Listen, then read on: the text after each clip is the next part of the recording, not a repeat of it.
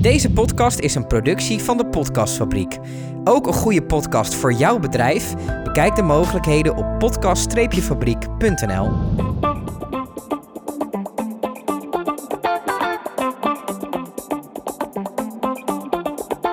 Welkom bij Gedeeld door Twee, de podcast waarin twee niet-generatiegenoten, door hun ouders Diederik en Stefan genoemd, een onderwerp waar ze matig verstand van hebben, proberen te duiden met iemand die daar wel veel verstand van heeft. Vandaag gaan we het hebben over het tv-landschap anno 2021. Door de coronacrisis met bijbehorende avondklok zitten we toch maar mooi weer met z'n allen voor zo'n flatscreen. En natuurlijk heb je Netflix, maar het aanbod op tv is ook erg sterk. Toch? Dat bespreken we met Mark Dick, mede-eigenaar bij Sky High TV, producent van onder andere De Slimste Mens, Over Mijn Lijk, Vier Handen op één Buik en het familiediner.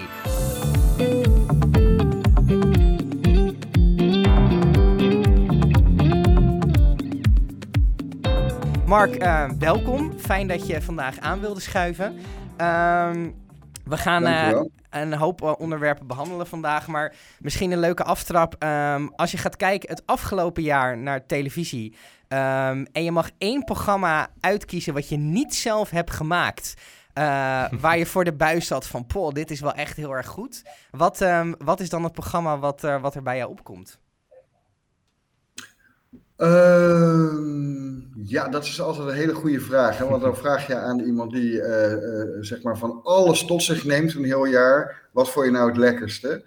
Eh, want ik kijk natuurlijk heel veel tv, net als heel veel mensen trouwens momenteel in lockdown, maar ook met een professioneel oog. Dus nu zit ik even hard op te denken. Nou, weet je wat ik een programma vind waar e- echt veel over te zeggen is en van te vinden is? Uh, maar die had ik natuurlijk wel willen maken vanwege de waanzinnige verkoop uh, worldwide, om even zo te zeggen. Dat is Marble Mania. Ja. Oh ja. Wat Ja. goed. Maar het is echt, Ja. een, echt een, een amusementsprogramma. Ja, 100% amusement. Uh, natuurlijk over knikkerbanen, voor de mensen die het uh, even gemist hebben. Waarin uh, bekende Nederlanders ja, wedstrijdjes spelen welke knikker als eerste beneden is. En zelf wat knikker uh, oefenen, of dingen met knikkers moeten doen, gooien in putjes en. en, en uh, ja, nou ja, dat is het eigenlijk, ja, ja, hè? Als, je het even, plat, als je het even plat slaat. maar ja, de, de, daarom niet minder goed aangevoeld dat mensen dit leuk zouden kunnen vinden. Het was natuurlijk al eens heel veel over te doen geweest. Hè? Het was natuurlijk op YouTube al een aantal jonge mensen die dat maakten. Onder andere een jongen uit Nederland een autistische jongen die daar uh, meester in is om die knikkerbanen te maken. Ja. Ja. Uh, dat werd al op YouTube heel veel bekeken.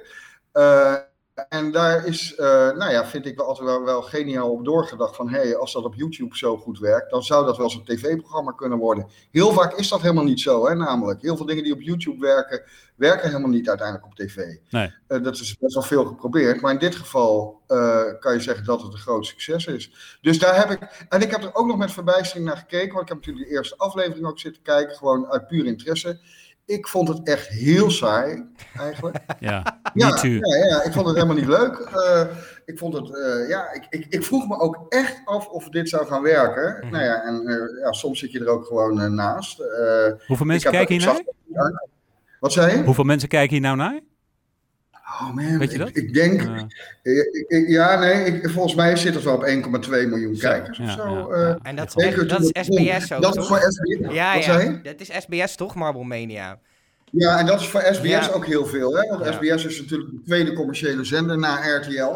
Uh, en uh, ja, eigenlijk, uh, die halen eigenlijk niet vaak programma's boven de miljoen Nee. kijkers. Nee, dus het was voor hun eh, Dus dat is fascinerende. een belangrijk... Is het dan ook... wa- wanneer hoor jij voor het eerst van zo'n format? Is dat bij het persbericht of zinkt dat dan al een beetje rond? En wat, wat is dan ook de gedachte bij jou? Want nou ja, je, je zag het, je legt dat format leg je uit. En wij zitten hier toch een beetje flauw te grijnzen met z'n drieën. Want op papier klinkt het natuurlijk te duf voor woorden. Eh, maar er Nou, is, er, is, er toch iets aan dat format dat werkt. Dus wanneer hoor jij dan voor het eerst van zoiets? En, en is die reactie die wij net hebben bij jou dan ook zo van... pff, Nou, weet je, kijk, eh, dingen zingen inderdaad rond hè, in Hilversum. Ja. Eh, dat heeft niet in het minst te maken met het feit dat mensen het in Hilversum leuk vinden om geheimtjes aan elkaar te verklappen. Eh, We horen er Maar graag een paar. vrij drukke wandelgangen. ja. Maar het heeft ook te maken met het feit dat dat personeel in Hilversum van productiebedrijf naar productiebedrijf gaat. Ja, ja, ja. Dus mensen die bijvoorbeeld al in de voorbereiding aan Marble Mania hebben gewerkt, die kunnen bijvoorbeeld eh, al voordat Marble Mania wordt uitgezonden, zouden ze al bij ons kunnen werken. Eh, en dan vragen wij in een sollicitatiegesprek, wat was je vorige klus? En dan zeggen ze, nou, ik heb de kandidatencasting gedaan voor Marble Mania. Precies. Ja, precies. En, en dan komen ze bij ons en dan gaan ze de kandidatencasting voor de slimste mens doen. van. Dus Ja. Zo, zo, krijg je, zo krijg je te horen natuurlijk over die, eh, over die programma's. En bij deze, eh, nou kijk, het was niet zo dat ik dacht van het gaat per se niet werken, omdat ik wist, eh, sterker nog, ik heb met, en ik, ik, ben een, ik weet de naam even niet meer van deze jongen, maar de, de, ehm, zeg maar de, de jongen die autistisch is, die die banen maakt en die op YouTube Ja. zijn, die heb ik al een jaar of zeven geleden al wel eens gebeld, of zijn begeleider, om te vragen van, joh, kunnen we eens kijken of we wat met tv kunnen doen Oh ja? toen, eh, ja, alleen ik wilde dat toen eh, eigenlijk samen met hem doen. Gewoon voor hem volgen in het bouwen van die banen. Dus niet zozeer als een eigen format, maar meer... Documentaire-achtig reality- Ja, Eh, maar toen zei zijn begeleider van... nou, het is helemaal niet het moment, want hij kan dat helemaal niet aan, die media-aandacht. Dat, dat is voor hem veel te veel druk en te verwarrend. En, dus toen hebben we dat ook laten lopen. Dus toen een aantal jaar later, eh, nou ja, dus vorig jaar of zo, wij hoorden van Marble Mania, dacht natuurlijk in eerste instantie van, ah shit, heb ik misschien toch, had ik daar toch nog wat meer mee moeten doen of dat op mijn lijstje moeten laten staan. Eh, maar aan de andere kant moet ik ook zeggen, wat John de Mol daar doet met dat programma, dat kunnen wij als KHI TV nooit. Dat doen wij ook niet, want hij investeert gewoon mega veel geld om dit programma te kunnen maken, om die banen te kunnen bouwen, noem maar op. Ja. Wat, dat is aan de voorkant een enorme investering die hij natuurlijk terug gaat verdienen als hij dat wereldwijd gaat verkopen. Maar wij werken niet volgens dat model. Nee. En ook, ook niet dat soort formats, toch? Want ik hoorde jou zeggen, jullie, jullie willen zinvolle programma's maken. Ja, het klinkt een beetje lullig, maar dat zou- ik kan me Heb ik, voorstellen dat, dat dit heb ik dat format... nu alweer gezegd in die korte tijd? Nee, Nee. Dat, dat hoorde ik in, in jouw, eh, eh, jouw leuke interview op eh, eh, dat, het video-interview wat je pas nog gedaan hebt, twee weken geleden. Oh, met de broadcast, Magazine. ja, ja, broadcast ja. magazine. Ja. Eh, ja, ja, kijk, eh, eh, maar ik wil daar ook al- niet al te verheven in doen. Hè? Want, Nee, nee, nee, bedoel, nee. Wij maken ook, want wij maken ook de slechtste chauffeur van Nederland. Die noemde je toen ook al in Vind, dat vind ik interview. uiterst zinvol. Vind ik uiterst zinvol. Nou, nou, ik kan daar nog wel een kleine aantekening bij maken. Wij noemen dat altijd een beetje het ondeugende neefje uit onze programmering.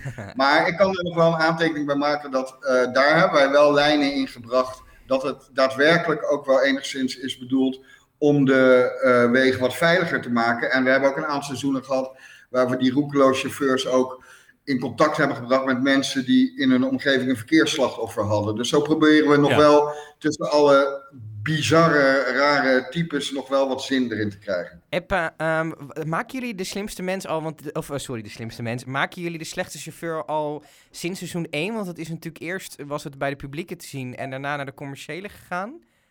Ja, wij maken het sinds seizoen 1. Ja. Wij hebben, eh, het is eerst bij eh, BNN geweest, Ja. voor, voordat het BNN Vara was, met Ruben Nicolai. Ja. Toen heeft het een aantal seizoenen op NPO 1 gelopen. Eh, toen werd dat langzaam maar zeker een beetje een, een vreemde match met NPO 1. Het was heel jong en een beetje, ja, moet ik zeggen, heel reality-achtig natuurlijk. Met ook wel, wel eh, ja, wezenlijke karakters die erin zaten. En, ehm, en toen daarna is het overgegaan naar RTL 5. ja. En me- Ja. merk je dan dat je eh, veel aanpassingen moet doen aan zo'n format, omdat het naar de com Of was het eigenlijk al een beetje een commercieel format, dus dat je er eigenlijk Ja. niet zo heel veel aan hoefde te doen? Het was eigenlijk al best wel een commercieel format. Eh, ik weet dat Gerard Timmer destijds, die was toen eh, eh, hoofd bij de NPO en eh, directeur NPO. En die had het er eigenlijk, eh, en als de NPO dan wel eens bevraagd werd over van wat zijn nou de publieke waarden van jullie programma's en wat is nou belangrijk voor de NPO. En dan noemde hij ook wel eens, heel bewust, een programma als de slechtste chauffeur, waarover gesproken werd of dat wel NPO genoeg was of niet. Ja. Oh ja. Het, ja. format, eh, het format kwam uit Engeland. Het is niet door onszelf bedacht. Het is een Engels format. En eh, het heeft daar niet zo lang gelopen, maar het heeft vooral eigenlijk in, in Canada tien jaar, tien jaar lang gelopen. Dat heeft een beetje voor ons gediend als blauwdruk, hoe ze het daar hebben gemaakt. En dat was ook echt wel een beetje zoals wij dat nu doen. Met, met ja, ik bedoel, eh, eh, met mensen die echt slecht rijden, want dat is geen toneel, dat kan ik je echt vertellen. Er wordt veel over gedacht dat die mensen zichzelf exposen en dat ze eigenlijk wel anders rijden. Dat is echt niet zo. Alleen het zijn wel mensen, ja, het zijn wel. eh, ja, het zijn uitgesproken types. En, Ja. en, en het is natuurlijk, het, het, maar het briljante vind ik aan dat format, en dat is even een pluim voor de, voor de bedenkers uit Engeland, is, nou ja, wat nog nooit eerder gedaan was, dat je op zoek gaat naar de slechtste.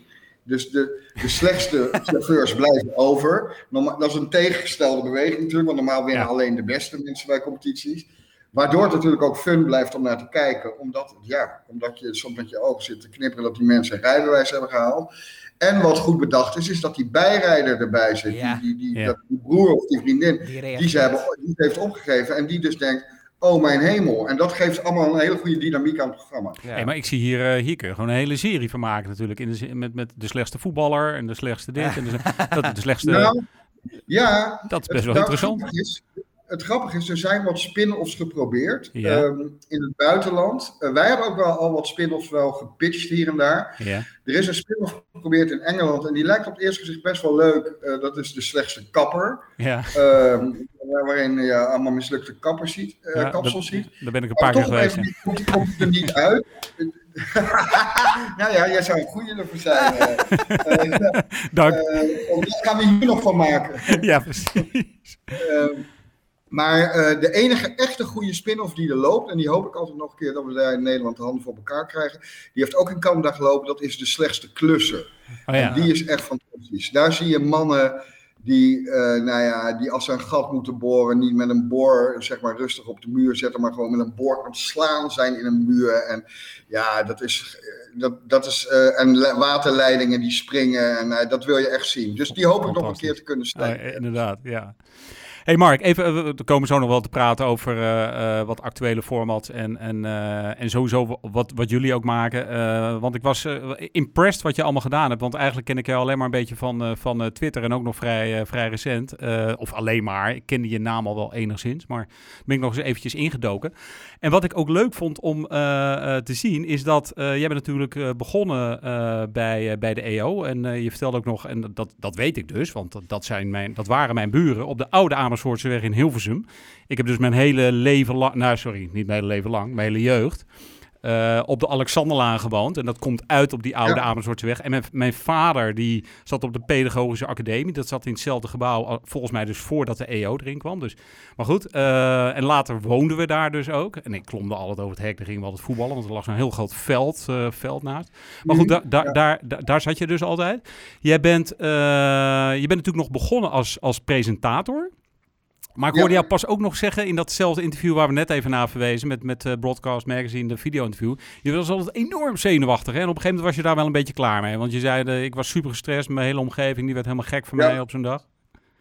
Ja, ik, eh, ik presenteerde lange tijd. Ik begon eerst radio en toen heb ik ja, zeker wel 15 jaar denk tv gedaan.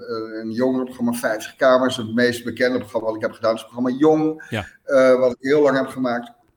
Eh, ja, ja, ik, eh, ik was altijd bloednerveus bij opnames. Echt, eh, nog tot de laatste draaidag die ik heb gehad. Eh, en ehm, een soort spanning die. iets wat ik mezelf oplegde, een hoge druk. Als het maar goed gaat, als ik maar de juiste vragen stel. En dat is nooit overgegaan. Ehm, ik. Het, het grappige is dat mensen eh, dat nooit aan mij zagen. Dus als, we, als, als het programma er was en als het uitgezonden werd en ik vertelde dat aan mensen, ook aan mensen in Hilversum, zeiden ze, nou, dat is helemaal niet merkbaar dat je dat hebt. En dat, Hmm. ik moet ook zeggen dat als ik eenmaal in die, als die camera draaide, dan had ik, ja, waarschijnlijk had ik me al zo uitgeput qua paniek, dat ik geen paniek meer kon hebben. Eh, Alle endorfine was er Nee, nee, dan- en daar kon ik me dus wel echt focussen. Want ik deed met name interviewprogramma's en dan is het eigenlijk belangrijker om te praten dan. eh, of belangrijk om te luisteren dan te praten. En dan kon ik me ook echt focussen en luisteren naar de gasten. Dus dat, dus dat ging me in feite heel goed af. Alleen de hele aanloop ernaartoe, dat was voor mij, ook voor mijn partner, eh, voor mijn collega's, mijn eindredacteur, mijn regisseur. Het was een heel moeilijk iemand. eh, eh, mensen waren er soms ook echt bang voor me, omdat ik dan onberekenbaar was en snel vond dat dingen niet goed gedaan waren of dingen niet, Ja, ja. dat dingen niet, een biografie niet goed uitgewerkt was van een gast. Gewoon niet leuk. Ik werd er gewoon geen leuke mens van. Ja. En ik heb me wel een beetje verwant gevoeld. En dat is ook wel. ehm, Ik, uh, ik, misschien dat jij uh, uh, haar nog wel kent als, oudste, als oude van de twee. Simone Walraven. Ja, van, zeker. ja. Ken ik van, de, van, de, pop, van, de popstars, van de Popstars jury heeft zij toen een jaartje ingezet. Oh ja, precies. En dat was eigenlijk haar revival. Hè? Toen heb jij haar leren kennen. Dat, dat was eigenlijk twintig jaar nadat zij bekend was bij Countdown. Um, ja. En Simone was een groot talent, een fantastische presentatrice. Met een waanzinnige uitstraling. En iedereen uh, hield van haar. Was een beetje verliefd op daar. Ja, ik vond haar heel leuk. Een heel eigenwijs, grappig, ja. uh, beetje, beetje tomboy-achtig meisje met een hoed op. En, en die, uh, en die besloot, op een gegeven moment werd het nieuws bekend dat zij van de ene op de andere dag stopte met presenteren. Ja. En niemand begreep dat. En later heeft ze daarover verteld, en dat herkende ik dus, dat ze op een gegeven moment moest Paul McCartney interviewen. Dan heb je natuurlijk ook over nog wel iemand. Ja. Uh, die kwam naar Nederland en zij mocht het interview doen. En toen zei ze dat ze een week niet had geslapen en dat dat een soort, uh, nou ja, uh, exemplarisch was eigenlijk voor haar vrees en angst die ze altijd had bij opnames. En dat ze dacht op een gegeven moment, weet je, ik wil dit gewoon niet meer. Ja, het gewoon too much. En toen is ze ermee gestopt. Alleen het punt was, Um, ik kon niet zo snel stoppen, want toen wij ons productiebedrijf begonnen, ja. toen aan, aan, mij hing gewoon werk. Dus ik kon niet zeggen, ik stop met jong, want dan waren wij gewoon een derde van de ja. kwijt. Ja, ja, ja. Weet, weet jij of, uh, nu willen we natuurlijk graag namen horen, nee, nee, maar weet, weet, jij of, want bij artiesten hebben hier sowieso ook wel vaak behoorlijk last van, tenminste, want ik, ik weet niet of het zo erg is, maar ik weet ook van, van, van zangers en dergelijke, hè, die vaak ook uh, bij wijze van spreken trillend het podium opstappen, maar misschien dat vak juist wel doen om daar overheen te komen.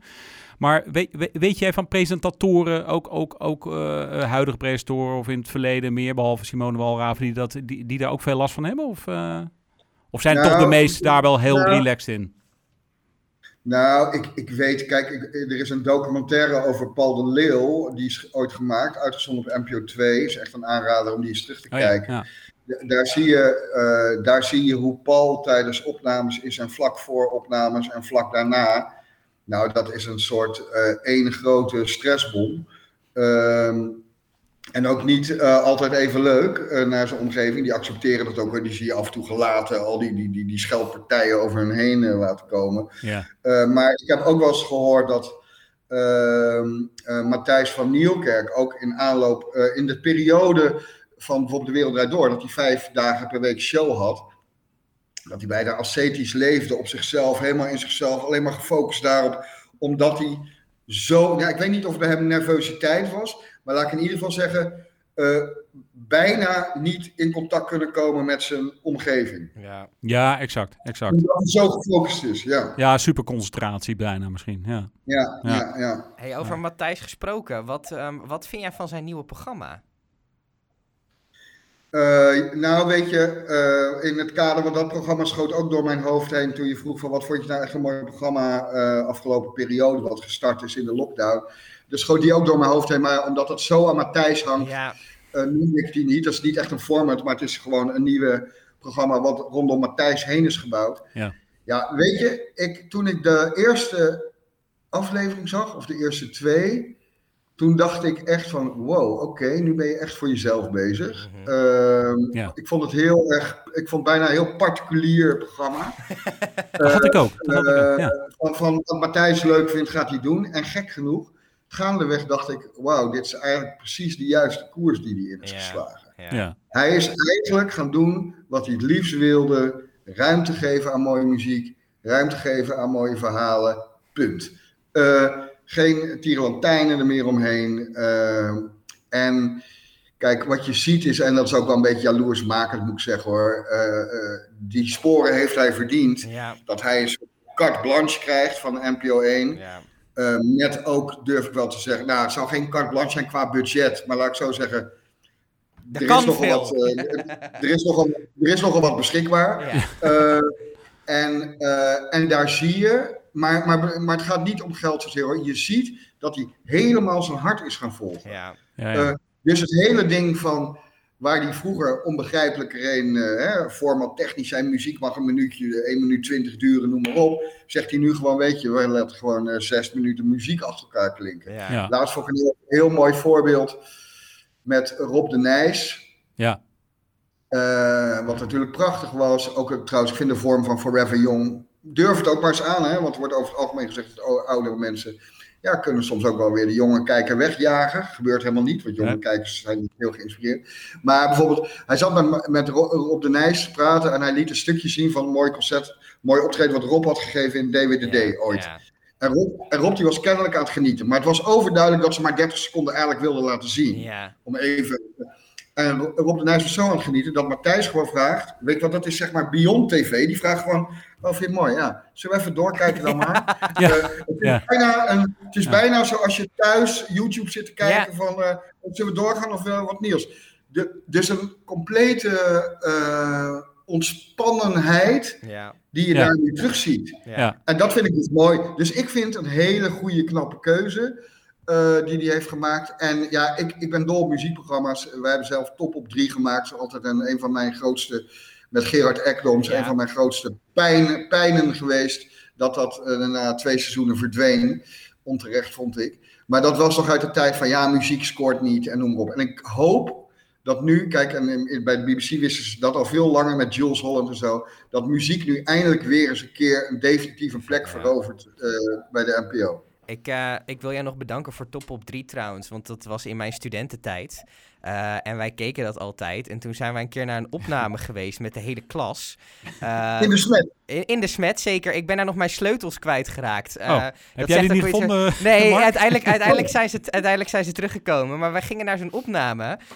en ja, ik was een arme student. En er werd daar tijdens die opnames gratis bier geschonken. Bier? Dus wij, wij zijn uiteindelijk vier keer naar de opnames van Top op 3 geweest. Oh, wat goed is dat, zeg. Echt een supergoed sfeertje hing daar ook. Het was een heel mooi programma. Ja, het was een heel leuk programma. Het groeide ook. We moesten, er even, moesten even ons vormpje vinden. En, uh, want het, het, viel niet mee, want het is schipperen tussen hè, muziek en uh, af en toe wat diepgang. Leo Blokhuis kwam altijd iets vertellen ja, ja. over uh, een bepaalde artiest of een bepaald hoofdstuk uit de muziekgeschiedenis.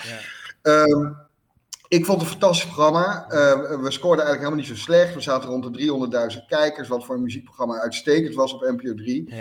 En inderdaad, de naborrels waren fantastisch. Ja, dat klopt, dat klopt. ja, nou, daar doe je het ook een beetje voor. Ja, ja ik, ik, ik weet nog dat, wij waren toen die eerste keer dat we daar waren, was, was Joe Jackson was er. En toen, oh ja, toen heeft mijn vader ook vol jaloezie uh, gezegd van, wow, was jij daarbij? En dat was ook wel een mooi vader-zoon momentje. Dus, nou ja, kleine persoonlijke anekdote, maar uh, ik dacht, ik laat het toch even weten. Nou, vind ik, vind ik heel leuk. Nou ja, het past, het past goed in de, in de mooie rij herinneringen die wij hebben aan het programma. Tof. Heel tof. Nou, jullie, jullie, maken natuurlijk veel, veel mooie programma's. Ik vind, uh, dus, ik, ik, bedoel, kijk ongetwijfeld niet zoveel tv als jij en natuurlijk, uh, Mark. Maar uh, De Slimste Mens bijvoorbeeld vind ik wel echt een, een vind ik gewoon echt een, een, een slim, ook echt een slim format, zeg maar. Ja. Um, en dat doet het natuurlijk ook fantastisch. Ja, ja, de slimste mens heeft wel een interessant verhaal eigenlijk. Hè. Dat is, een, uh, is een format uh, wat in, in België uh, ontstaan is. Daar ja. ook het best bekeken programma is van België. I ieder ja. jaar scoort daar een, het, een bizar marktaandeel van meer dan 50%. Dus dan staat één op de twee tv staat daar aan op dat programma. Ongelooflijk. Ehm, dat is begonnen in Nederland bij de zender 10 van John de Mol. toen Martijn heeft, heeft dat toch gedaan? Toen, toen, heeft, toen heeft Linda dat gepresenteerd. Seizoen. Toen ging die zender te zielen. Toen is die als een van de beter scorende programma's toch overgeheveld nog naar RTL. Toen heeft hij het, is hij één seizoen nog door Martijn Gabé gepresenteerd bij RTL. Ja. Uh, dat deed het toen niet goed en toen uh, sneuvelde, sneuvelde het vanwege een te laag cijfer. En jaren later zat ik weer eens de, ja weet je wel, ik krijg ook van die nieuwsbrieven, internationale kijkcijfers, noem maar op. En zat ik weer, zag ik weer eens die cijfers van de slimste in België. En uh, toen zei ik tegenover Bernard van der Bos, mijn medepartner in het bedrijf, die zit tegenover mij. Ik zeg, joh Bernard, ik vind dat we toch nog weer eens een keer moeten proberen met de slimste mens. Want ik heb het idee dat hij nog niet helemaal zo is gemaakt zoals hij gemaakt zou moeten worden in Nederland. Ik zei, zou ik een optie nemen? Zo werkt dat eigenlijk. Dan bel je met een producent in het buitenland en dan neem je een optie. Dat betekent dat jij dan voor een bepaald bedrag uh, een aantal maanden mag proberen om, de, om die show te verkopen, exclusief. Hmm. Ik belde met die uh, Vlaamse uh, distributeur. Ik zeg, joh, ik zou graag een optie willen op de slimste mens. Toen zei ze, ja, maar ja, weet u dan niet dat dat al twee keer in Nederland is geweest? Ik zeg, ja, ik zeg, dat weet ik wel, zei ik. Maar ik zou toch nog een keer willen proberen bij de publieke omroep. Uh, Oké. Ik zeg maar, en dan doe je een bieding op, een, op een optie. Ja, meestal, laat ik zeggen, dat verschilt een beetje per de grootte van een programma. Maar laat ik het zo zeggen, die, die, die bedragen zitten zo tussen de 4 en 10.000 euro voor een optie van een paar maanden. Okay. Maar ja, omdat ik zei van, omdat dat programma al een paar keer had gelopen, zei ik tegen die vrouw, weet je, uh, vind je het goed als ik voor 1000 euro die optie neem? toen, uh, toen, zei zij, toen zei zij van, ja natuurlijk, want zij vond het al lang een heel beetje, een beetje een naïef idee van mij dat ik al überhaupt er nog mee aan de gang wilde. Uh, dus zij was al lang blij. Uh, dat ze nog iets voor kreeg. dus uh, ja, dus uh, nou, dat was heel snel rond. Ik krijg een mailtje, handtekening, allebei, bla bla, 1000 euro om vier maanden ermee te gaan shoppen. Wat goed. echt twee dagen later zit ik bij NPO 1, bij de netmanager van NPO 1, Marcel Peek destijds. Ik zeg, joh Marcel, volgend jaar zomer of nee, de komende, uh, even kijken, volgend jaar zomer dan is er geen, uh, geen WK, geen Olympische Spelen, geen EK, dus het is een sportloze zomer. Is het niet wat om dan een dagelijkse quiz uit te zenden voor op, uh, in die periode. Toen zei hij van nee, nee, ik, ik zie een dagelijkse quiz niet zitten op NPO 1. Maar, zei hij, ik weet dat NPO 2 juist voor de komende zomer, dat was wel een sportzomer, de komende zomer nog iets zoekt. Want die willen graag iets tegenover de Olympische Spelen zetten. Want het was die zomer EK, of een groot sportzomer. Ja. Ik zeg, dan al, zoekt hij dan? Ja, ja, er is een pitch uitgeschreven. Nou, echt, het gebeurde echt. Dit vergeet ik ook nooit meer, omdat dit zo lucky ben je ook maar één keer in je leven als producent. Ik reed weg bij het, uh, van het Mediapark. Ik woon in Amersfoort. Ik reed door het bos tussen, tussen Hilversum en uh, Baarn. En ik kreeg een telefoontje van de netmanager van NPO 2. Die zegt van, ja, jij hebt net bij NPO 1, hoor ik, de slimste mens gepitcht. Ja, ja, weet je, ik heb een pitch uitgeschreven naar alle omroepen dat ik naar zoiets op zoek ben. En ik heb de slimste mens zelfs als voorbeeld gegeven van een quiz, wat ik graag zou willen hebben.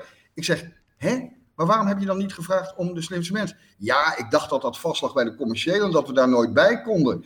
Ik zeg, nee joh, ik, ik heb die rechten. En die had ik ook echt ook al.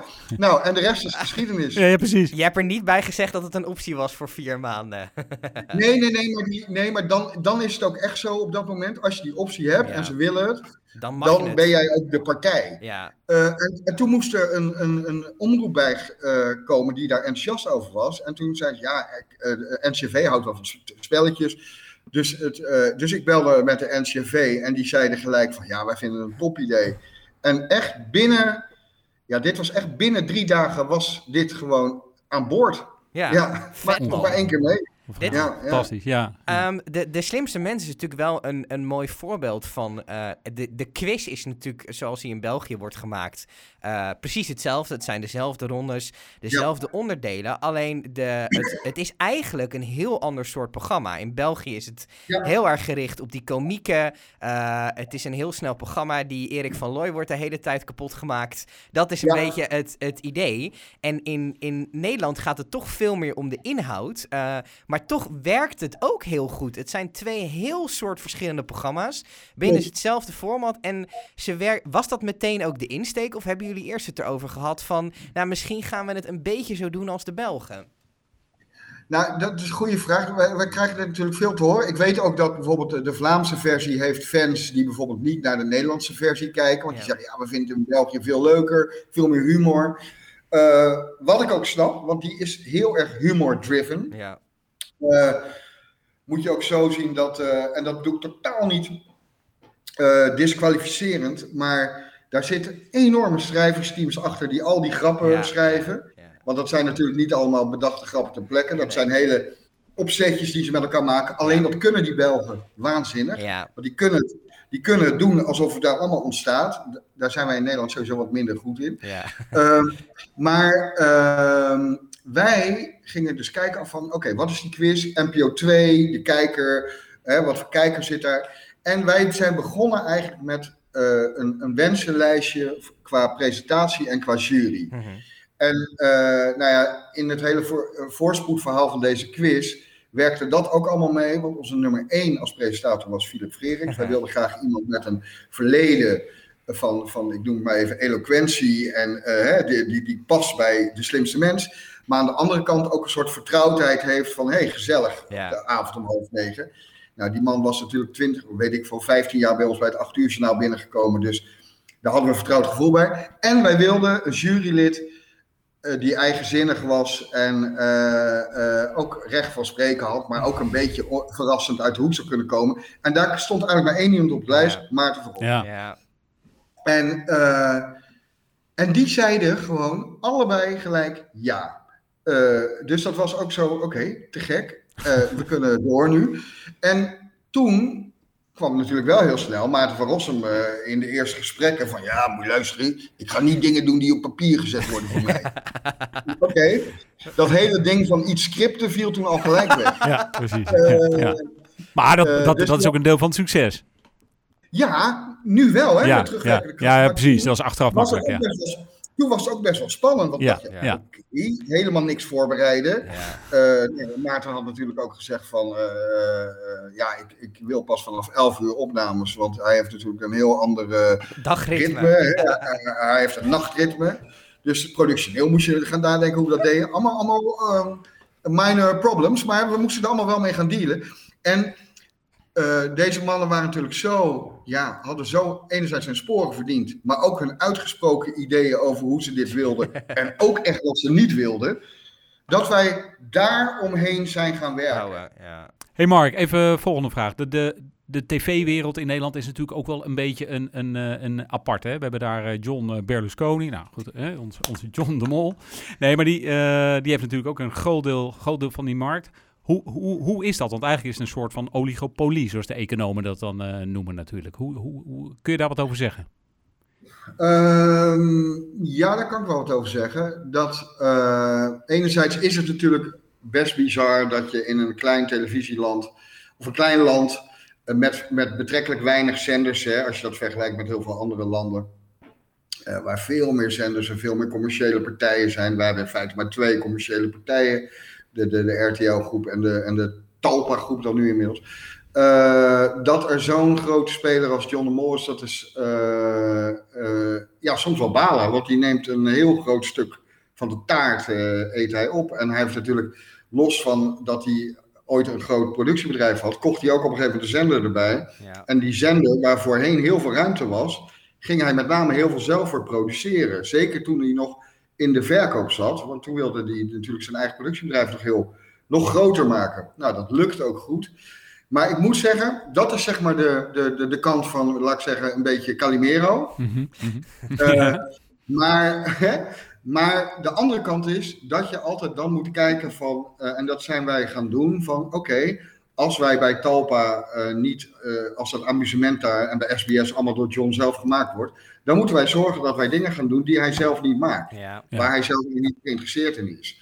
Bijvoorbeeld, hij wil met name amusementsprogramma's die hij wereldwijd kan verkopen. Uh, wij maken voor SBS het programma al jaren, al zeven seizoenen, het programma Gestolkt. Uh, waarin we uh, stalkers opsporen en proberen te doen stoppen. John de Mol heeft geen behoefte, die wil, hoeft zelf dat soort programma's niet. Nee, uh, nee precies. Want kan die ook moeilijker verkopen. Uh, kinderen kopen een huis. Uh, deze, deze, dus deze winter van start gegaan, ijsmeesters. Dus wij hebben wel ruimte gevonden om daar ook terrein te veroveren. En ik vind dat altijd wel belangrijk, ook als ondernemer. dat gebeurde ook, laten we zeggen, toen corona startte vorig jaar, januari, februari, maart eigenlijk op zijn ergst, dat in één keer alles wegviel toen schrokken wij ons ook echt helemaal de tandjes. Van oké, producties die stopten, buitenlandprogramma's die allemaal niet meer doorgingen. Toen dachten we ook, oké, wat, wat nu? Even paniek, even ook gewoon. Uh, maar toen zijn wij een aantal programma's gaan bedenken, gerelateerd aan corona. Ja. Uh, wij zijn toen een speciale serie van een huis vol gaan opnemen. Thanks. Uh, speciale serie van een huis vol gaan opnemen in uh, coronatijd. Van hoe doen mensen met grote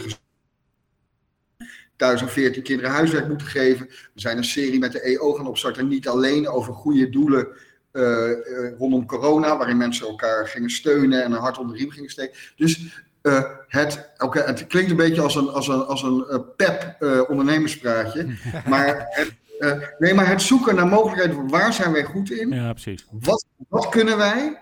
Waar kennen ze ons van?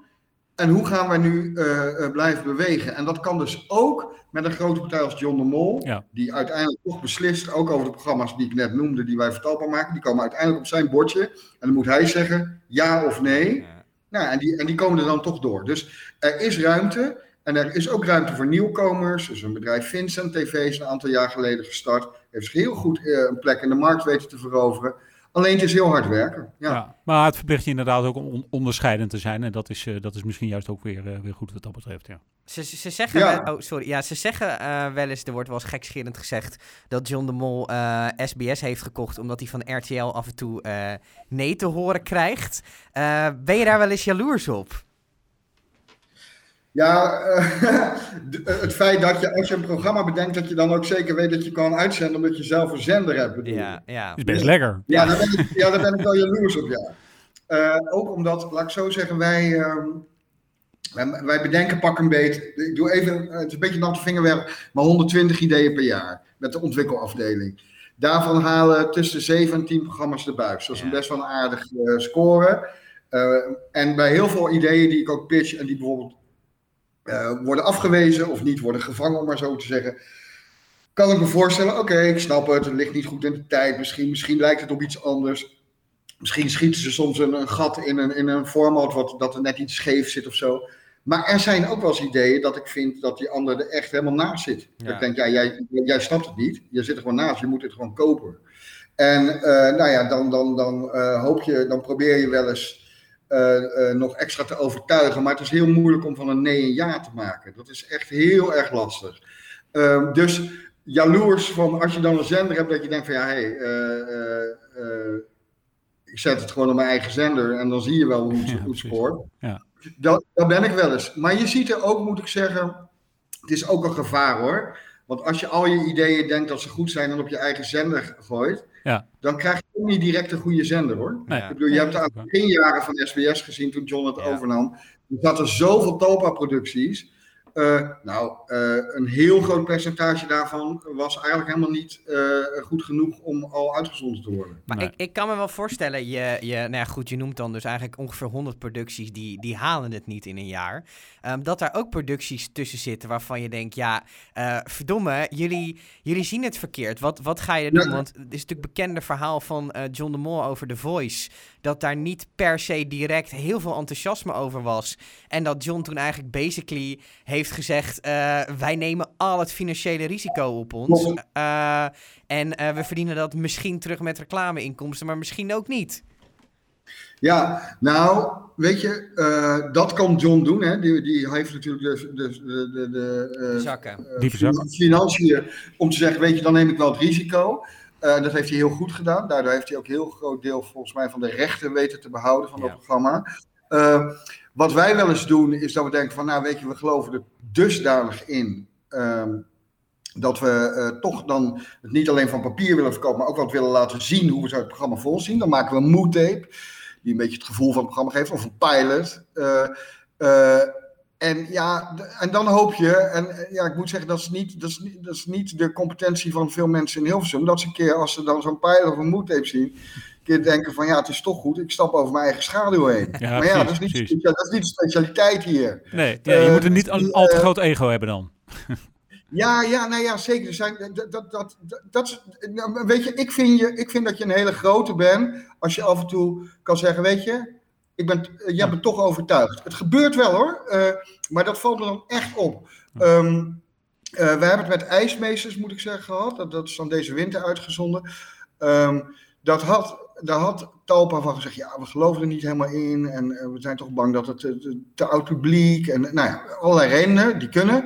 Maar wij waren ervan overtuigd. We hadden al een versie gemaakt met zandsculpturen op NPO 1 en die had goed gedaan. Dus Marius van Duin, eh, hier mijn collega, die heeft toch een mail binnen Talp gestuurd. Jongens, willen jullie nog een keer heroverwegen? Want met wat data en wat cijfers en noem maar op. En toen kwam er een mailtje terug. Goed dat je het nog een keer aankaart. We gaan er opnieuw naar kijken. Ja. Nou, dat is opvallend. Dat gebeurt niet vaak. Nee, En, en, en, en het werd een programma en het deed het goed. Ja. ja. Je noemde eh, 120 formats per jaar. Uh, dat is echt een hoop. Want je, nou goed, je hebt een televisiegeschiedenis van 60, 70, 80 jaar. Uh, ik weet niet wanneer de, eerste zwart-wit televisie werd uitgezonden, maar het zal vast een tijd geleden zijn. Uh, je hebt natuurlijk nu ook nog eens dat natuurlijk tegen andere budgetten en met andere camerakwaliteit. Dus kijk, je kan leuk bedenken, ik ga Wie is de Mol maken. Maar als je daar niet een leuk budget voor hebt, dan, dan kom je nergens. Maar goed, er is wel een mogelijkheid om als maker nu te denken in je eentje. Nou, ik heb een camera, ik heb een goed idee en ik ga iets maken. Hoe, hoe bedenk je in godsnaam nu nog, terwijl er al zoveel is bedacht, 120 formats per jaar? Uh, ja. Uh, nou, kijk, voor ons als ik naar Sky TV kijk, um, kan natuurlijk het, het best, uh, of eigenlijk alleen maar echt een, het kijkje in onze eigen keuken geven. Um, wij bij ons is het heel belangrijk voor ons programma's is dat wij heel goed weten wat er in de samenleving speelt en wat er in de samenleving gebeurt. Dus wij hebben um, het, het, het, het, kijken waar mensen mee bezig zijn, waar mensen zich druk over maken, waar mensen wakker van liggen. Um, uh, waar mensen uh, uh, blij van worden, waar mensen. Nou, al dat soort dingen zijn wij heel erg aan het kijken. Dat is gewoon lezen en je antennes op de samenleving hebben, waaruit je formats komen. Um, kijk, ik, ik, ik, noem wat, ik noemde net al even format gestolkt. Mm -hmm. Dat is inmiddels een heel bekend programma. Maar dat kwam gewoon voort omdat wij ooit verhalen in de krant lazen. dat mensen die gestolkt worden eigenlijk nergens terecht kunnen. Omdat het is vaak onbewezen lastig gedrag. De politie kan er niks mee. Je kan moeilijk zeggen, ja, hij loopt weer in de straat, want dat is niet verboden. Weet je wel, nou ja. Dus toen zijn we gaan kijken, oké, dat is een soort braakliggend gebied. De politie kan er niks mee, maar het is een groot probleem. Nou, zo is dat programma voortgekomen. Maar dat gaat ook over een, een, een, een programma, een uh, klassieker inmiddels al van ons, die loopt al jaren op NPO 3, Hij is en Zij. Dat gaat over transgender jongeren die we volgen in transities. Dat is omdat we op een gegeven moment steeds meer achter kwamen dat die jongeren wat meer stem durfden te geven aan hun eigen uh, situatie. Nou ja, en zo zijn er eigenlijk allerlei dingen waarin je zoekt naar wat speelt er in de samenleving en wat kunnen we daarmee. Um, daarnaast, als het gaat om nieuwe vormen want, want je hebt het over thema's. Nou, dat is aanvoelen wat er gebeurt. Maar je hebt ook natuurlijk vormen. Dat ja. zit vaak in amusement. Bijvoorbeeld, uh, hoe bedenk je nou in vredesnaam een nieuwe talentshow? Ja. Ik bedoel, want zijn niet alle talentshows er al geweest? In een, op een slechte dag als het grijs weer is, denk ik van ja, jongens, je kan echt niks nieuws meer bedenken. uh, ja, uh, maar als je weer eens een keer opeens een ingeving krijgt of iemand anders op je afdeling, dat je denkt, ja, jongens, er is dus nog voldoende te ontdekken. Kijk, het is hetzelfde als met muziek. Hè? Uh, even uit ja. mijn hoofd. Ja. Ik, ik, denk dat er maar elf, er zijn maar ja. elf noten. Ja. En er worden elke dag worden er honderden nieuwe liedjes geschreven. De, Beatles, de Beatles deden toch alles op, op twee of drie akkoorden of zo? Wat was het? Sorry. Ja, nee, nee, maar van. met die paar noten die er zijn, zijn er dus honderden miljoenen uh, vormen waarin je ze, in, als je ze in een andere volgorde zet, dat in één keer een heel nieuw lied is. Ja. Uh, en zo denk ik, kijk, tv is ook het combineren van elementen. Ja. Kijk, Ja. de Masked Singer, de Masked Singer is een talentshow, uh, maar met verklede mensen. Oké, kom er maar eens op. Toen ik daar voor het eerst van hoorde dat dat ding in Korea was gestart, toen dacht ik, wat de fuck is dat? Uh, verkleden en dan raden wie eronder zit, onder de pak. Hadden een trailer gezien, nou, het was niet doorheen te komen. Uh, hysterische Koreaanse trailer, zo maken ze naar tv. Daar moet je echt doorheen kunnen kijken. Uh, Titeltjes die door het beeld schieten. Wat zei je? Titeltjes die door het beeld schieten. In het goud. Ja, gillende meisjes. Je weet niet wat je ziet. Totdat uh, uh, Fox, Amerika, die koopt daar de rechten op voor Amerika. Die maakt er een soort vertaalslag ervan naar, ik noem maar even de westerse markt. En in één keer is het een ding dat je denkt, ja, en, en achteraf kan ik wel zeggen, tuurlijk werkt het. Ja. Want je zit de hele tijd te raden wie onder het pak zit tot het einde toe. Zoals bij Wie is de Mol, die spellen zijn helemaal niet belangrijk. Je zit alleen maar te kijken, wie is de mol? Ja. Dat Ja. is, en, en dus... Um, en zo moet je altijd weer proberen om een vondst te doen. Ik ben zelf wel trots op, uh, uh, ik noemde het volgens mij dus straks al eventjes, maar kinderen kopen een huis. Ja. Ook dat komt voort. Het is wel leuk om te zeggen. Het idee van dat programma voor mensen die het nog niet hebben gezien is, ouders die willen verhuizen, maar kinderen die houden dat eigenlijk tegen. Want kinderen die willen niet naar een andere sportvereniging, naar een andere school, niet willen verhuizen van hun vriendjes. Nou, dat is een heel veel voorkomend ding. Waardoor ouders ook in hun maag zitten, moeten we onze kinderen wel lostrekken uit hun omgeving. Maar ouders willen soms verhuizen omdat ze groter willen wonen. Maar het kan ook zijn omdat hè, er wordt van baan veranderd en het is fijn om dichter bij het werk te worden. Dat kwam voort bij uh, een collega van mij, Maus, die, uh, die maakte dit zelf mee. Hij woont, in, hij woont in Spakenburg en hij vindt het echt een takkeneind naar Hilversum. En hij wil al heel lang, hij wil al heel lang richting deze kant komen. Uh, maar die kinderen die willen dat niet. Nou, en op basis daarvan heeft hij kinderen kopen een huis bedacht. Wat nou als we de kinderen zeggen: Oké, jullie willen niet verhuizen, maar stel je voor dat jullie helemaal zelf het huis mogen kiezen. Zou je het dan wel leuk vinden? Nou, en zo is dat idee ontstaan. Maar dus ja, continu kijken in je eigen leven of in je omgeving uh, uh, wat er speelt. En dat vind, waar ik best, wat ik wel tof vind, wij zijn een bedrijf, laat ik zo zeggen, waar veel mensen werken die niet in Amsterdam wonen. en, en alleen maar zich bezighouden met alles wat er binnen de A10 gebeurt. Maar die ook uh, weten wat er een beetje uh, gewoon in, het, uh, in, in de provincie gebeurt. Ja, precies. En wat gewoon de mensen zich mee bezighouden. En ik vind dat heel belangrijk. Ja, ja, dat is mooi. Hey, wat er natuurlijk ook uh, in, de, in, de, in de buitenwereld gebeurt, is uh, Netflix en Videoland. Die, die komen, nou, komen hard op. Ja. Netflix is al even. Netflix is al heel hard ja, opgekomen. En, en, en, ik zou ook niet zeggen inderdaad dat die opkomen, zeg maar. Dat is natuurlijk gigantisch. Hoe, hoe, hoe kijk je daarnaar? Het, biedt natuurlijk, het is een bedreiging, maar het biedt natuurlijk ook uh, kansen. hoe kijk je daar als ondernemer of tv-maker naar? Nou, ik weet wel helemaal in de begintijd natuurlijk, toen dat opkwam, toen werd het uh, natuurlijk met name vanuit zenders en omroepen, leest natuurlijk ook die stuk wel, wordt natuurlijk wel gezien als een bedreiging, omdat er heel simpelweg uh, uh, meer aanbod is voor de kijker. Dus dat betekent dat ze kijkers weghalen bij, ook bij onze klanten, bij de omroep en de zenders. anderzijds, wat nu begint, en dat deden ze in het begin niet, vooral Netflix helemaal niet, uh, gaan zij nu ook gewoon bestellen in Nederland. Dus ook lokaal product, zoals dat dan heet. Dus Nederlandstalige series, Nederlandstalige documentaires. Dus even heel, heel uh, simpel gezegd, betekent het ons voor ons een extra platform waar wij uh, ideeën naartoe kunnen brengen. Want zij zoeken content. Nou ja, wij maken content. Dus er zijn in feite potentieel nieuwe klanten bij. Ja, precies. Ja. Daarnaast, daarnaast vind ik. Um, Videoland sowieso, want die, die, hebben best veel Nederlands product. Daarnaast vind ik het ook goed, want die partijen zorgen ook weer voor uh, nieuwe creativiteit. Als je kijkt naar Netflix, die hebben eigenlijk wel een hele nieuwe benchmark neergezet als het gaat om uh, true crime documentaires. Uh, dat is fantastisch op welk niveau dat daar gemaakt wordt. Maar ook dus de manier waarop het gevolgd wordt, invalshoeken, de, de manier waarop dingen uh, in beeld worden gebracht. Dus, dus het is ook heel ja, goed. Ja. Uh, uh, dus, en ik ben, ik ben er wel blij om. Wij hebben momenteel ook gesprekken met Videoland, we hebben gesprek met Amazon. het eerste ding moet daar nog vallen. Maar geeft ook weer hele nieuwe energie. Ja. Merk je ook dat um, doordat die lat voor bijvoorbeeld series um, door Netflix zo ontzettend hoog is gelegd, um, dat, daar ook, dat er ook meer, um, meer ruimte en meer budget komt voor producties, omdat toch het gevoel is van ja, wij moeten concurreren met die streamingdiensten. nou, nee, eigenlijk dat, dat, dat merk ik nog niet. Kijk, omroepen zijn gewoon nog wat dat betreft heel erg gewoon gebonden aan hun, uh, ja, aan hun budgetten en wat, wat is er mogelijk. En uh, en ja, eigenlijk zijn er gewoon een soort benchmarks dat documentaires zitten ongeveer op die ja. prijs. Reality-programma's zitten op die prijs. En dat, natuurlijk wordt daar soms wel eens bij bepaalde must-haves, zal daar best wel eens een keer wat ruimte meer komen. Maar uh, kijk, het geld wat Netflix heeft voor documentaires, ja. Uh, dat, zal, uh, dat zal de NPO nooit gaan uitgeven. Nee. Uh, en misschien is dat ook maar goed. Ik bedoel, het, ik moet ook altijd zeggen dat.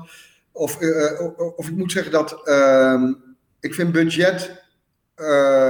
laat ik zo zeggen, roeien met de riemen die je hebt. kan soms ook voor heel veel creativiteit zorgen. Ja, ja. ja. en daarmee onderscheid je dan weer. Ja, en dan weet je wel, kijk, voor een heel deel is tv maken, en dat geldt ook wel voor andere vormen van ondernemen, is uh, listen bedenken. Je moet ja. heel vaak listen bedenken ja. over hoe je iets bijvoorbeeld uh, uh, met minder geld toch heel goed gaat krijgen. Of hoe je iets waar je een persoon die je niet te spreken krijgt omdat hij niet mee wil werken, hoe je toch op een andere manier het verhaal gaat vertellen. Dus ja. wat ik bedoel met listen bedenken, dus dat, dat zorgt ook voor creativiteit. Dus beperking is niet altijd fijn, hè? want je zou wel eens, ik ben wel eens jaloers ook op die budgetten van Netflix. En dat ik denk, wow, dat, het lijkt wel alsof die mensen soms een carte blanche krijgen van uh, doe maar wat je wil.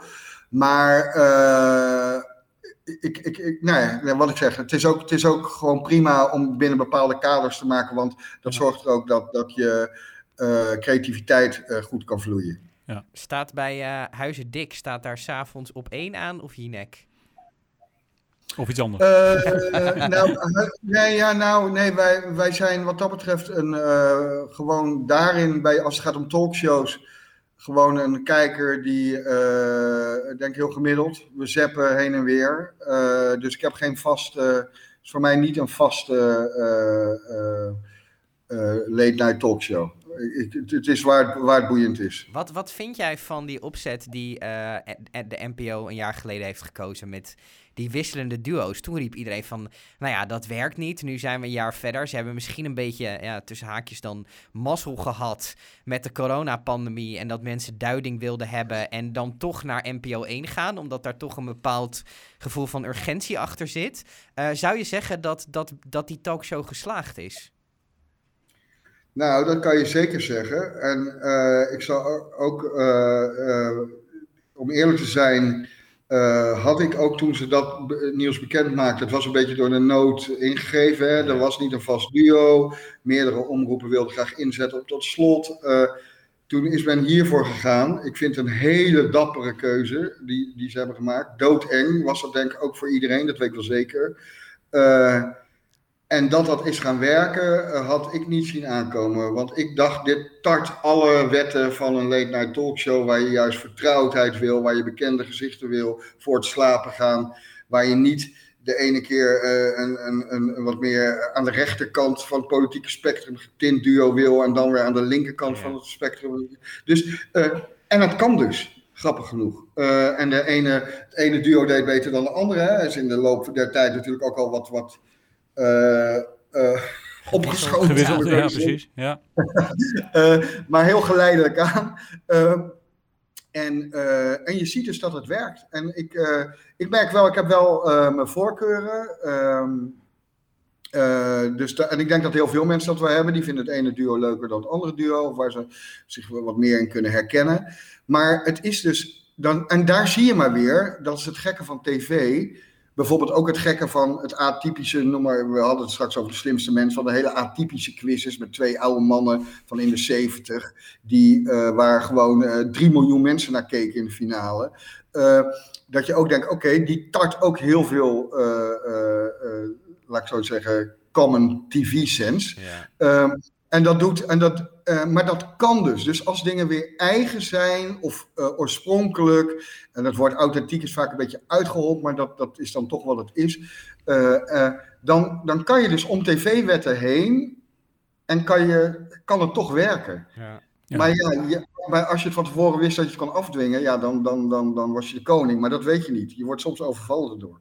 Nou, lijkt me inderdaad een enorme uitdaging om zo'n format op die manier te doen, inderdaad. Ik vind wel, maar goed, dat is meer ook op, op corona en dergelijke, waar, waar natuurlijk heel veel over feiten en dergelijke gaat. Dan vind ik het nog wel eens verschillen met welk uh, duo, uh, duo er zit. En dan, maar ja, dan denk ik ook, ja, als jij, hoeveel hebben ze? De, 12, 10, 12 presentatoren in totaal of zo? Uh, ja, 12 met die zondag erbij. Ja, ja volgens mij ja. Dus, ja. En, en dan zie ik wel eens, ja, dan heb je denk ik wel, dan vind ik het het nadeel. Dus als je echt naar de inhoud kijkt, uh, hè, feiten en dergelijke achtergronden. Maar dat is ook eigenlijk niet raar, want je kunt dat moeilijk. Twaalf mensen kunnen dat niet collectief allemaal uh, uh, die, die kennis hebben, zeg maar. Ja. Of zo. Dus dat lijkt me dan een beetje na. Nee. Snap je wat ik bedoel? Nou ja, maar vind jij, vind jij, bedoel je daarmee dat jij vindt dat iedereen eigenlijk allemaal hetzelfde moet vinden? Nee, puur de, puur de inhoud. Dus, uh, dus met, met, met, met, met feiten komen dergelijke. En ik hoor dan ook wel eens ook oh, Oké, de een is, ja. okay, de een ja. is beter onderbouwd ja. met kennis dan de ander. Ja. nee, dat snap ik. Nou ja, kijk, het meest, het meest uh, uh, laat ik zeggen, besproken duo daarin is natuurlijk Paul de Leeuw en Astrid Joosten. De laatste tijd. Ja. en ik moet ook zelf zeggen dat ik dat een... een dat zou mijn keuze niet zijn geweest. Omdat dat, dat staat in die zin, vind ik dat ook formattechnisch best wel een, uh, een, stijl, een stijl, maar ook een inhoudsbreuk. Ja. ten opzichte van de andere eh, eh, duo's. Maar is het niet eigenlijk zo dat het überhaupt heel knap is dat ze hebben nu zes uitzendavonden. Ze hebben natuurlijk ook Jeroen Pauw en Fidan Ekies nog een tijdje gehad. Toen had ja, je we hebben er ook zeven gehad ook. toen, ja. toen, toen waren het er zeven. Eh, is het eigenlijk niet knap dat ze überhaupt van die zeven dagen er zes zo uniform hebben gekregen? Met zoveel verschillende duo's. En dat het eigenlijk een wonder is dat het maar één duo is die echt zo'n stijlbreuk heeft. Of zeg je dan van pak hem dan ook door en pak ook dat zevende duo erbij? Nou, nee, kijk, ik snap wel dat ze iets gezocht hebben voor die vrijdagavond. Die begrijp ik wel hoor. Ze hebben gedacht, die vrijdagavond willen we een, een, een soort wat, wat lichter van toon maken. Dat mensen met een misschien, eh, weet je wel, het weekend ingaan. eh, eh, wat, wat meer vrolijk het weekend of zo ingaan. Maar ik denk gewoon dat het zo is dat kijkers die naar dit soort programma's kijken. eh, die hoeven niet per se die toon te hebben, omdat die toch kijken voor. eh, ehm, om, om iets op te steken of om Ja. mee te denken. Ja. Of iets te horen of iets te leren. Dus ik merk zelf dat ik, ja, ik hoef die, ik hoef die fun niet of zo. Eh, Nee. daar kijk ik wel van naar andere programma's als ik dat wil. Ja. Ehm, en ja, jouw vraag of het knap is dat ze er toch een soort. Ook al zitten er allerlei andere duo's en toch is het allemaal op één. Ja, ik vind dat heel knap. En ja, ik had dat ook, Ja. niet, eh, ik had dat ook niet verwacht dat dat dus zou kunnen. Eh, ik denk wel dat eh, er zit natuurlijk een overkoepelende hoofdredactie op. ja. Eh, het is niet dat elk duo zijn eigen redactie heeft. Dus die hoofdredactie en die redacteuren, die bewaken natuurlijk ook heel veel. Ja. Eh, Mark, even ter afronding, maar niet geheel onbelangrijk natuurlijk. Want jij hebt, jij hebt het natuurlijk fantastisch gedaan. Dat een hele mooie carrière al gehad. En je bent natuurlijk nog niet klaar. Maar jullie hebben in eh, 2018, eh, en dat moet je me even precies vertellen, maar in, in ieder geval eh, gedeeltelijk met jullie bedrijf verkocht aan een Franse partij.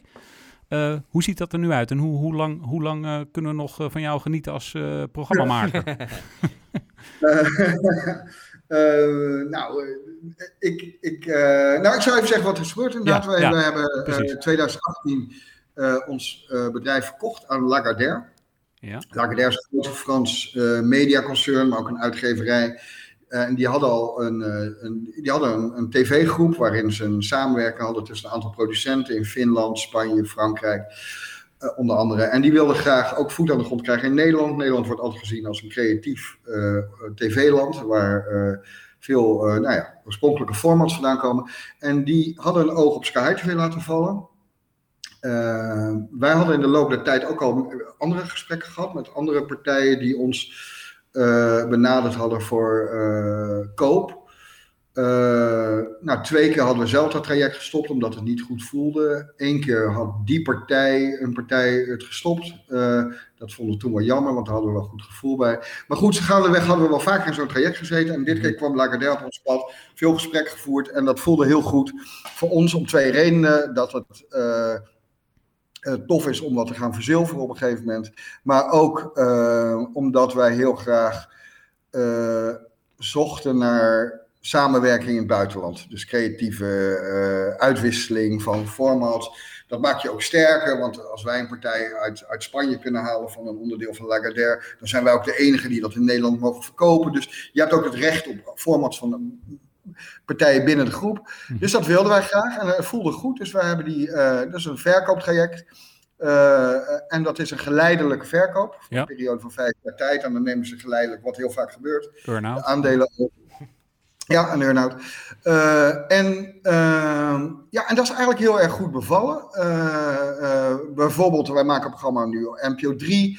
Dat heet Au Pairs, eh, waarin we vijf au volgen die naar L.A. zijn geweest. Nu hebben we een serie gemaakt in een ander land. Komt binnenkort, gaat dat de buis op. En dat is een Fins format van een partij die binnen Lagardère zat. Dus daar konden wij dan bij. Dus zo leidt dat. En, en er wordt een programma van ons in Frankrijk gemaakt. Dus zo leidt dat tot, tot eh, samenwerkingen. Eh, is ook best leuk. Eh, ik was in het begin ook wel een beetje bang, eerlijk gezegd. Of bang. Ja, wat gebeurt er? Hè? Je, maar, ik heb dat ook nooit meegemaakt. Wat gebeurt er als een aandeelhouder er komt? Ja. En uh, dus veel oor te luisteren gelegd bij partijen in Nederland die dat al hadden meegemaakt. Uh, die ook al zo'n verkooptraject hadden doorgemaakt. Over van, joh, wanneer voelde dat nou goed? Wanneer dacht je van, ja, we moeten het doen? Welke valkuilen heb je gezien? Zijn er dingen geweest die je over het hoofd hebt gezien? Nou ja, noem maar op. En... Maar goed, toen, toen hebben we die stap gezet. Inmiddels is Lagardère trouwens weer verkocht uh, aan Media One. Dat is een nog grotere partij. Okay. daar zijn wij dan nu onderdeel van. Hm. Uh, en, uh, ja, en het bevalt wel goed. Kijk, het is een aandeelhouder op afstand die ons heeft gekocht omdat ze potentie in ons zagen. Uiteindelijk willen ze gewoon naar je verdienen. Hè. Er zit nul, er zit natuurlijk verder niks anders achter dan dat ze hopen dat ze er wat aan over gaan houden. Uh, maar goed, dat mag, dat is ook duidelijk. En in het begin dacht ik ook wel van ja, ja. En mensen hier ook op de zaak van ja, uh, komen, lopen er hier dan straks Fransen rond. En uh, straks een, moeten straks allemaal een Bretonse trui en een, en een albino pet op. Nou, meteen ontslag. nee, weet je, in het begin, je weet dat helemaal niet hoe dat werkt. Kijk, en de grootste veranderingen zijn met name voor onze financieel directeur, die elke om de twee weken rapportages ja. moet maken. En, en normaal gesproken uh, ja, het blijft dat natuurlijk allemaal lekker op je eigen tijd en eigen moment. En nu liggen daar natuurlijk allemaal veel meer afspraken. Ja. Ja. Maar het gaat wel goed. En, en, uh, en ik moet zeggen, nu wij onderdeel van Media One zijn, dat is een, dat is een opgezet door een aantal hele grote uh, geldschieters die wel in de media al werkten. En die zijn zo ambitieus als het gaat ook nu. Nou ja, ik kreeg voor gisteren weer, of eergisteren weer een mail dat ze een pilotwedstrijd hebben. En dan mag je meedoen aan een pilotwedstrijd. En nou, dat geeft allemaal voor ons ook weer heel veel nieuwe energie. Ja, dus uh, ik, ja. het is eigenlijk best wel heel leuk. Hey, en, en over, over een paar jaar, want je zei het is het totale traject van, uh, van vijf jaar. Dan is, is dat proces afgerond. Wat, wat dan? Ja, nou, dat, uh, kijk, normaal gesproken, kijk, dan is het aan hun, hè. Dan kunnen ze ja. zeggen, Mark, het was leuk, bedankt tot ziens. Ja. Uh, en dat kunnen ze tegen, uh, tegen Bernard en Wilfred, de andere aandeelhouders, hier ook zeggen. Ja. ik ga ervan uit dat, omdat het hier goed gaat, het gaat goed met het bedrijf, dat ze zeggen, jongens, uh, willen jullie alsjeblieft blijven en blijf lekker doordraaien zoals jullie nu doen. Ja. Dat kan ik me voorstellen dat dat vaak zo loopt. En dan hoop ik nog wel een tijdje door te gaan, want ik vind het werk nog heel erg leuk. Je hebt er nog zin in. Wat zei je? Je hebt er nog zin in. Ja, ja, ik heb ja. er nog zin in. Maar ik moet wel zeggen dat soms denk ik, dat, dat, laat ik zo zeggen, dat is wel op iets langere termijn. Maar soms denk ik ook wel eens van, lijkt het me ook leuk om iets meer te gaan doen buiten een eigen bedrijf om hoor. Dat ik bijvoorbeeld uh, meer uh, partijen help die een creatieve afdeling aan het opzetten zijn. Dus eigenlijk meer als consultant. Lijkt me ook best wel heel leuk. Omdat nu is het toch altijd dat bedrijf. En je hebt toch eigenlijk, je bent wel altijd maar bezig met die omzetverwachting en Ja. die winstverwachting. En, die, en ja, ik moet zeggen dat ik dat soms ook wel echt wel uh, heftig werk vind. Ja, En er werken hier inmiddels uh, ja, zo'n 150 man of zo. Dus het is ook best wel een, een flinke verantwoordelijkheid. Ja. En ik kan me ook voorstellen dat ik in, de, weet ik veel, na 2023 zeg van nou, misschien is iets meer relaxed of zo, dat Ja. dat me ook wel kan aanspreken. Ja, ja. Hoe, uh, hoe trots ben je op die televisiering? Ja man, echt. Dat is, die, die, wil, die, die wilden we echt zo graag een keer winnen. En um, uh, ja, dat is, het is natuurlijk in Nederland samen met een Nipkoff schrijf, maar dat zit natuurlijk op een iets ander Ja. niveau, omdat dat meer een, een, een, een, een makersprijs is, is dit natuurlijk de publieksprijs van Nederland. Ja. En ja, daar, ik moet zeggen, dat is wel echt een deel waarvoor je leeft als producent, om die een keer binnen te slepen. En ik moet zeggen dat, uh, dat we die met Over Mijn Lijk hebben gewonnen, ben, vind ik dan helemaal te gek. Ja. Uh, met de slimste mensen had ik ook tof gevonden hoor. Of familiediner. Maar Over Mijn Lijk is uh, zo'n signature programma van Sky TV. Uh, waaraan je de, de handtekening van ons bedrijf zo ziet. Uh, dat, dat we het met die, met dat programma hebben gewonnen. Ja, de, daar, ja, daar heb ik echt heel lang, heel lang ben ik daar echt diep blij over geweest. En trots op. Ja. Kroon op een mooie carrière. Tot nu toe al. Ja, ja, en, uh, ja het, het, is zo'n, het is iets wat blijft, wat blijft bestaan, wat, uh, waar ik stiekem ook nog trots op ben. Dat mijn kinderen ooit over twintig jaar, als ze naar televisie een keer in kijken met hun kinderen, dat zeggen van ja, ja, ik weet nog goed dat opa die ook won. ja, nee, ja, serieus. Ik, ja, het zijn allemaal die dingen. Ja, het zijn, zijn, ja, weet je wat, het is toch uh, de, de Champions League voor een, voor een voetballer. Ja. Is dit het voor mij, weet je wel? Ja.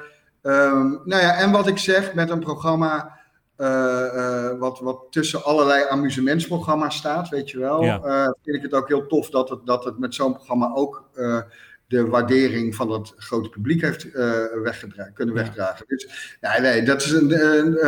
door we hebben enorm. Het was heel jammer dat we dat, dat we dat natuurlijk allemaal in onze eigen omgeving moesten vieren. Het was in het coronajaar, ja. maar aan de andere kant, het was het gekke, zeiden we van het past ook alweer bij dit programma dat het op die manier moeten beleven. het is ook een programma waar je in die zin een polonaise verloopt.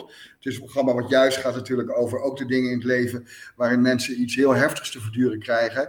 En waarin misschien een bepaalde, laat ik zeggen, uh, uh, ingetogen, uh, ingetogen beleving van, van, van die prijs ook wel bij past. Maar ik ben er gewoon heel erg trots op. Ja, snap ik volledig.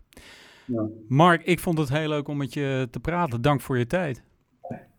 Nou ja, tof jongens, uh, om, om uh, lekker een beetje alles te kunnen roepen. Ik, en dank voor de, nee, nee, maar heel leuk. En dank voor, voor, voor, voor de vragen en voor het gesprek. Dus tof en heel succes met het vervolg ook van jullie podcastserie. En, en, jij met uh, Sky High TV en uh, op nog heel veel mooie programma's en uh, wellicht nog televisieringen. Who knows? Who knows? Dankjewel. Hè? Dankjewel. Bedankt voor het luisteren naar Gedeeld door 2. Wil je op de hoogte blijven van nieuwe afleveringen? Abonneer je dan op ons podcastkanaal via Apple Podcasts, Google Podcasts of Spotify. En vind je dit een leuke podcast? Laat dan een recensie achter. Bedankt voor het luisteren en graag tot de volgende.